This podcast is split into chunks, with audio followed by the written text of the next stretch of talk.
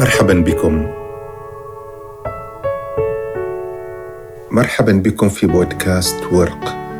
أحدثكم في هذه الحلقة ليس عن كتاب واحد كما جرت العادة إنما أحدثكم عن خمسة كتب.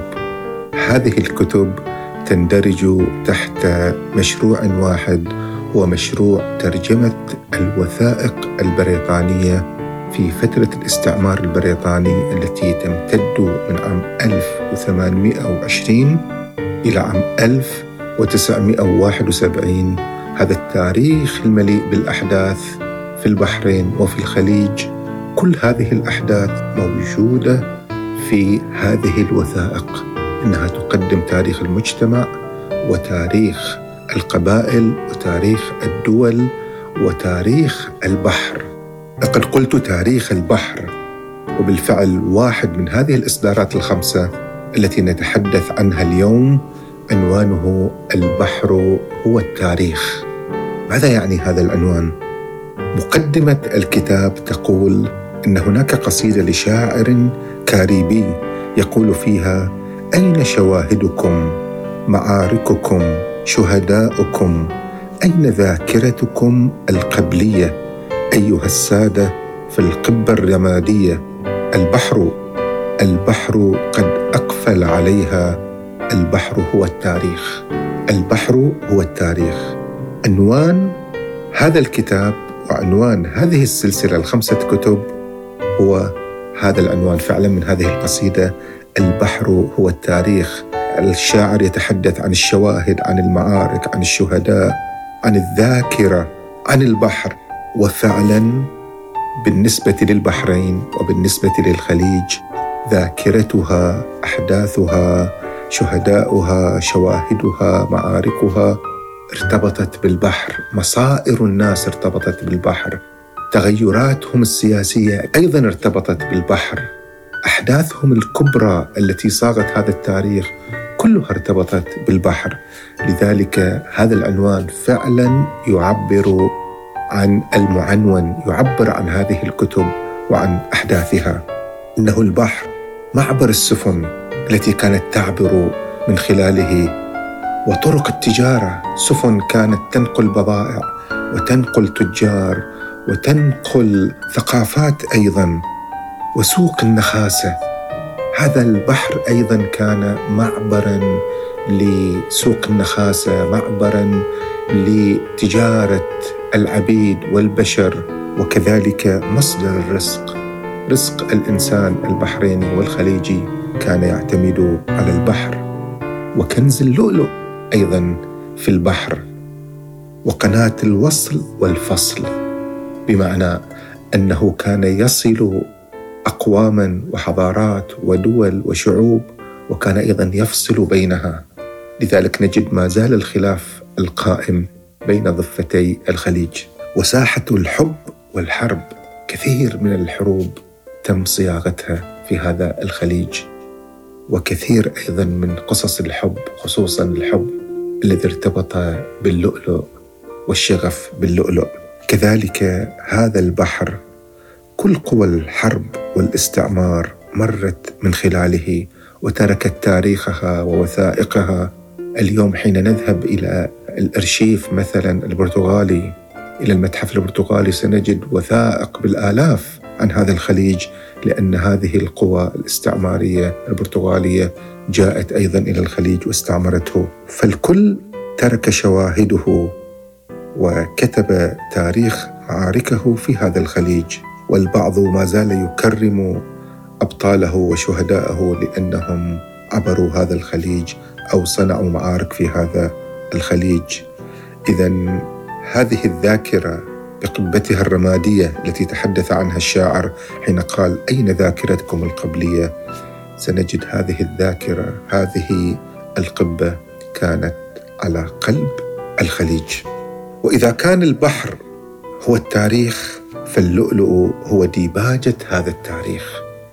بمعنى أن إحنا لكي نفهم تاريخ هذا البحر وما جرى في هذا البحر الديباجة يعني المقدمة لذلك هو فهم أيضا تاريخ اللؤلؤ لأن اللؤلؤ هو الذي كان يصنع المعارك والمغامرات والتعب والظلم أيضا لأن الظلم الذي كان يقع على الغواصين ظلم كبير للغاية. أحد الذين زاروا هذه المنطقة وكتبوا عنها وهو ألبير لوندر يقول البحرين هبة اللؤلؤ. فلا تصنع السفن ولا تخاط الاشرعه ولا تفتح المتاجر ولا أحد يسعى ولا أحد يركب البحر ولا أحد يعود إلى البر ولا أحد يدخل يده في جيبه ولا يخرجها منها ولا يعيد إدخالهما فيها إلا من أجل اللؤلؤ. إنه الملك والجميع في خدمته. فعلا اللؤلؤ هو كان الملك. والجميع في خدمته. الغواصون النواخذه الطواشون وكل القوى التي تصارعت على مغاصات اللؤلؤ. كلها كانت من أجل هذا. من يدخل يده لكي يخرج اموالا يخرجها ليشتري اللؤلؤ. ومن كان يدخل يده يدخلها لكي يضع الأموال التي من أجل اللؤلؤ. صناعة اللؤلؤ في هذا الخليج كانت صناعة للتاريخ أيضا فيه.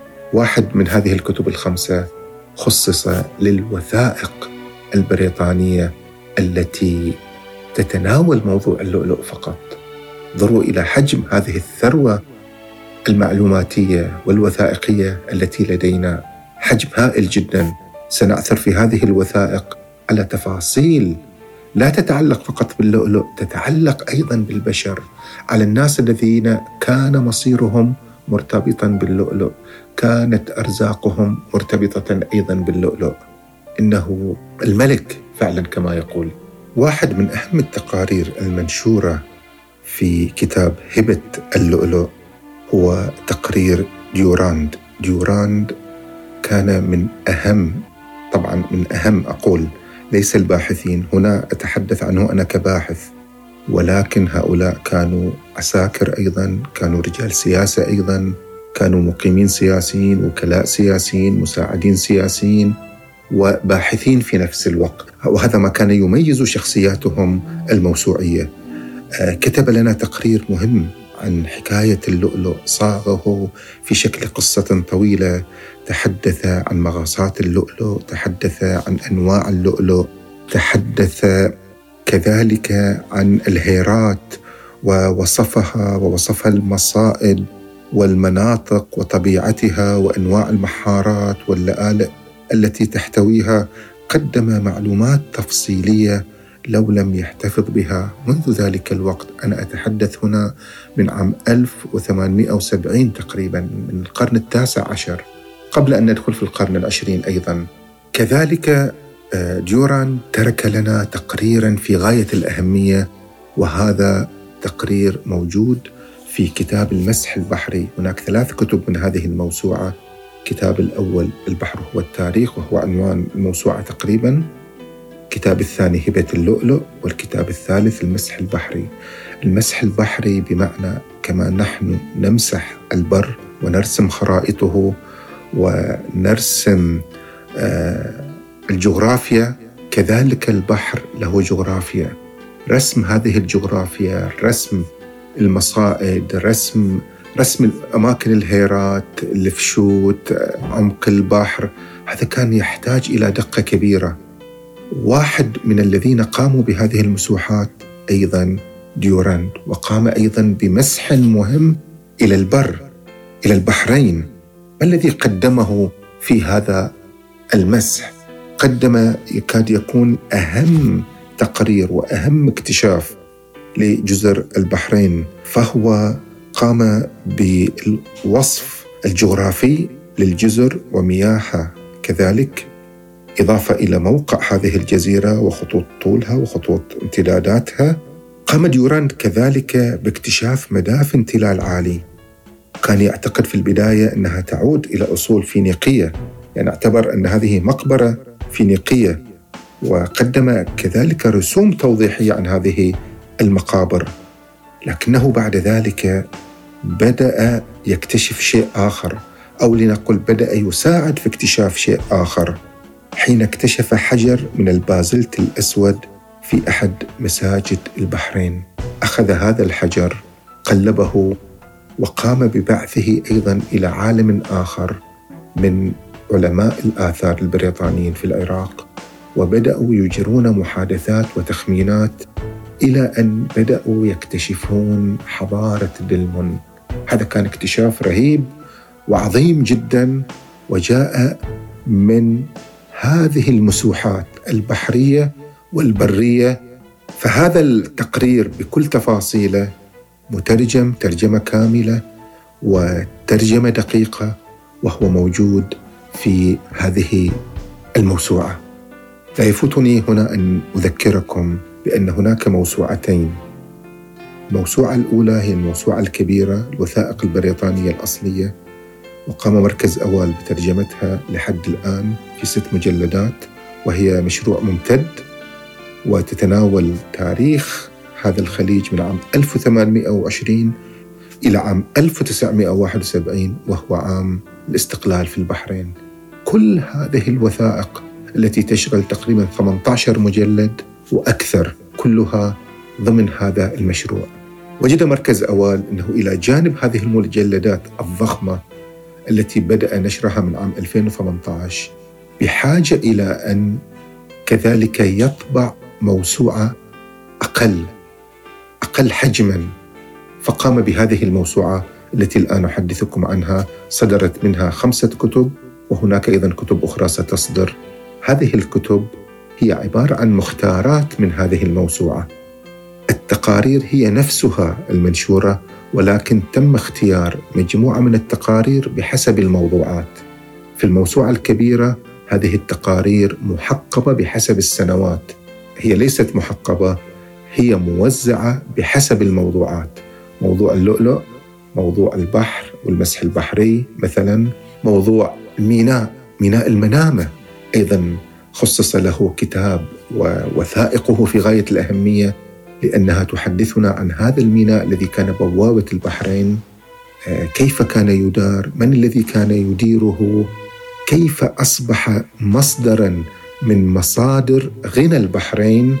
وكيف استطاع البريطانيون أن يطوروا هذا الميناء ليكون مصدر دخل لإصلاحات سياسية مهمة أجريت في البحرين في عام 1923 كل تمويلها كان من اللؤلؤ ومن الميناء وليس من النفط لأن لم يكن هناك نفط. في عام 1923 كان هناك ميناء وكان هناك لؤلؤ ومن خلالهم دخلنا إلى الدولة الحديثة. والكتابان تبقيان من هذه الموسوعة هما يختصان بتقديم تفاصيل مهمة عن الإصلاح السياسي في عام 1923 الكتاب الأول يتحدث عن مجلس العزل. هو الكتاب الرابع ضمن السلسلة هذه ولكن هو الأول ضمن هذا الموضوع موضوع الإصلاح السياسي. ما المقصود بمجلس العزل؟ مجلس العزل هو مجلس عزل حاكم البحرين عيسى بن علي. البريطانيون وجدوا أن هذا الحاكم الذي جلس على العرش نصف قرن خمسين عاما وهو يحكم بنظام القبيلة يحكم بنظام القبيلة بمعنى ليست هناك دولة حديثة ليست هناك محاكم ليست هناك إدارات ليست هناك وزارات هناك شيخ قبيلة وهو الذي يحكم بأعراف القبيلة وليست هناك مواطنة. فقام البريطانيون بالخطوة الأولى عزلوا هذا الحاكم وجاءوا بابنه الشيخ حمد بن عيسى ليكون هو الحاكم بدل أبيه وليكون هو الحاكم الذي ستبدأ معه مشاريع الإصلاح السياسي. فمجلس العزل له وثائق مفصلة. كيف عقد هذا المجلس؟ كيف جرت المراسلات اولا مع عيسى بن علي ولم يكن يستجيب؟ وكيف ضغط البريطانيون ووضعوا تقارير مفصلة عن الوضع السياسي في البحرين، عن شكاوى الناس، عن مظاهرات الناس، عن رسائل الناس، عن مطالبهم، عن عرائضهم، وصولا إلى تكوين هذا المجلس الذي جمعوا فيه كل مكونات هذه الجزيرة السنة والشيعة والأجانب وخاطبهم في ذلك الوقت المقيم السياسي في بوشهر نوكس خاطبهم خطابا تاريخيا. هذا الخطاب يجب أن يقرأه الجميع لأنه يبين الأساس الذي قامت عليه الدولة في ذلك الوقت وهي تقريبا أول دولة خليجية تشكل بهذه الطريقة. هذا الخطاب هو كان بمثابة الدستور الأول. الميثاق الأول الذي تأسست عليه الدولة الحديثة وبعدها بدأ طبعا مشروع تكوين المؤسسات الوزارات الإدارات آه، التقرير المالي مالية البحرين. بدا بدأت توضع بشكل منهجي وبشكل حديث بعد هذا المجلس بعد مجلس العزل. مرحلة كاملة قد انتهت حقبة كاملة قد انتهت وحقبة أخرى قد بدأت. نحتاج إلى أن نعرف تفاصيلها. هذه الوثائق تقدم أدق التفاصيل في هذا المجال. أقرأ لكم جزئية من هذا الخطاب خطاب العزل لتدركوا أهمية هذا الخطاب الذي هو للأسف غير معروف لدينا في ذاكرتنا الوطنية مع أن وطننا تأسس على أساس هذا الخطاب. يقول نوكس يا سادة آل خليفة عند الرجوع إلى الماضي أخشى أنه من واجبي تحذيركم أن مجرد وجودكم في الحياة لا يعني أنه من حقكم العيش على حساب المجتمع سواء أكان ذلك عبر مخصصات تقتطع من عائدات هذه الجزر أو عبر استغلال الفقراء والمساكين. إن المثل يقول من لا يعمل لا يأكل هو شعار جيد والأفضل لكم تطبيقه على حالتكم. هذه الجملة باختصار تبين كيف كان الوضع في ذلك الوقت. هناك فئة تعيش على حساب المجتمع ومظالم المجتمع. الكتاب الأخير في هذه الموسوعة عنوانه الإصلاح المذعون. من أين يأتي هذا العنوان؟ يأتي أيضا من قلب هذه الوثائق. هذا الكتاب يقدم لنا لأول مرة ترجمة دقيقة وشاملة ومطابقة للأصل عن مرسوم يسمى المرسوم الملكي أو مرسوم البحرين الملكي عام 1913 هذا مرسوم في غاية الأهمية مكون من 30 ورقة تقريبا. والملك هنا المقصود فيه هو ملك بريطانيا لأنه هو الذي أصدره. ويقول في ديباجته حيث إن جلالة ملك بريطانيا يتمتع بالسلطة القضائية في البحرين بموجب المعاهدة وأحكام الاتفاقيات والتسليم والعرف والإذعان. من هنا أخذ العنوان. الإذعان لأن هذا المرسوم جاء ليفرض إصلاحات. لم يكن الحاكم ولا قبيلته ولا القبائل الموالية له تريد هذه الإصلاحات. لم يكونوا يريدون إنشاء بلدية ولم يكونوا يريدون إنشاء محاكم مدنية ولم يكونوا يريدون إنشاء إدارات حديثة كانوا يريدون أن يبقوا على النظام القبلي لأنهم مستفيدون منه. فهذا المرسوم يذعنهم يجعلهم يذعنون إصلاح مذعون يعني إصلاح مفروض عليك أن تقوم به. بغض النظر عن أسباب هذا الإصلاح إلا أنه مذعون. فلذلك سمي هذا الكتاب الإصلاح المذعون. وهو ينشر لنا أهم وثيقة تبين الأساس الذي تم وضع البحرين الحديثة عليه. مجلس العزل الذي تحدثنا عنه هو مجلس مؤسس على هذا المرسوم، بلدية المنامة أيضا قانونها من هذا المرسوم. إصلاحات الدولة الحديثة كلها القضاء والمحاكم كلها مؤسسة على هذا المرسوم. اذا هذا الكتاب ومع بقية الكتب تقدم سردية أخرى لتأسيس دولة البحرين، كيف تأسست؟ كيف تأسس الإصلاح فيها؟ كيف تأسست البلدية فيها؟ كيف تأسست المطالبات والمظاهرات والعرائض فيها؟ هذه السردية تختلف تماما عن السردية التي تقدمها الدولة اليوم بأن عيسى بن علي هو الذي رعى الإصلاحات وهو الذي قام بالإصلاحات وهو الذي أسس الدولة الحديثة. هذا غير صحيح. كل الوثائق تقول أن تأسيس الدولة جرى بالإذعان من قبل البريطانيين بعد النضالات الشعبية التي دفعت بكثير من العرائض والمناشدات من أجل تحقيق ذلك وكلها موجودة في هذه الوثائق. أتمنى قراءة هذه المجموعة والاستفادة منها لأنها تقدم تاريخا حقيقيا مستندا إلى الوثيقة وليس شيئا آخر غير الوثيقة. شكرا لكم.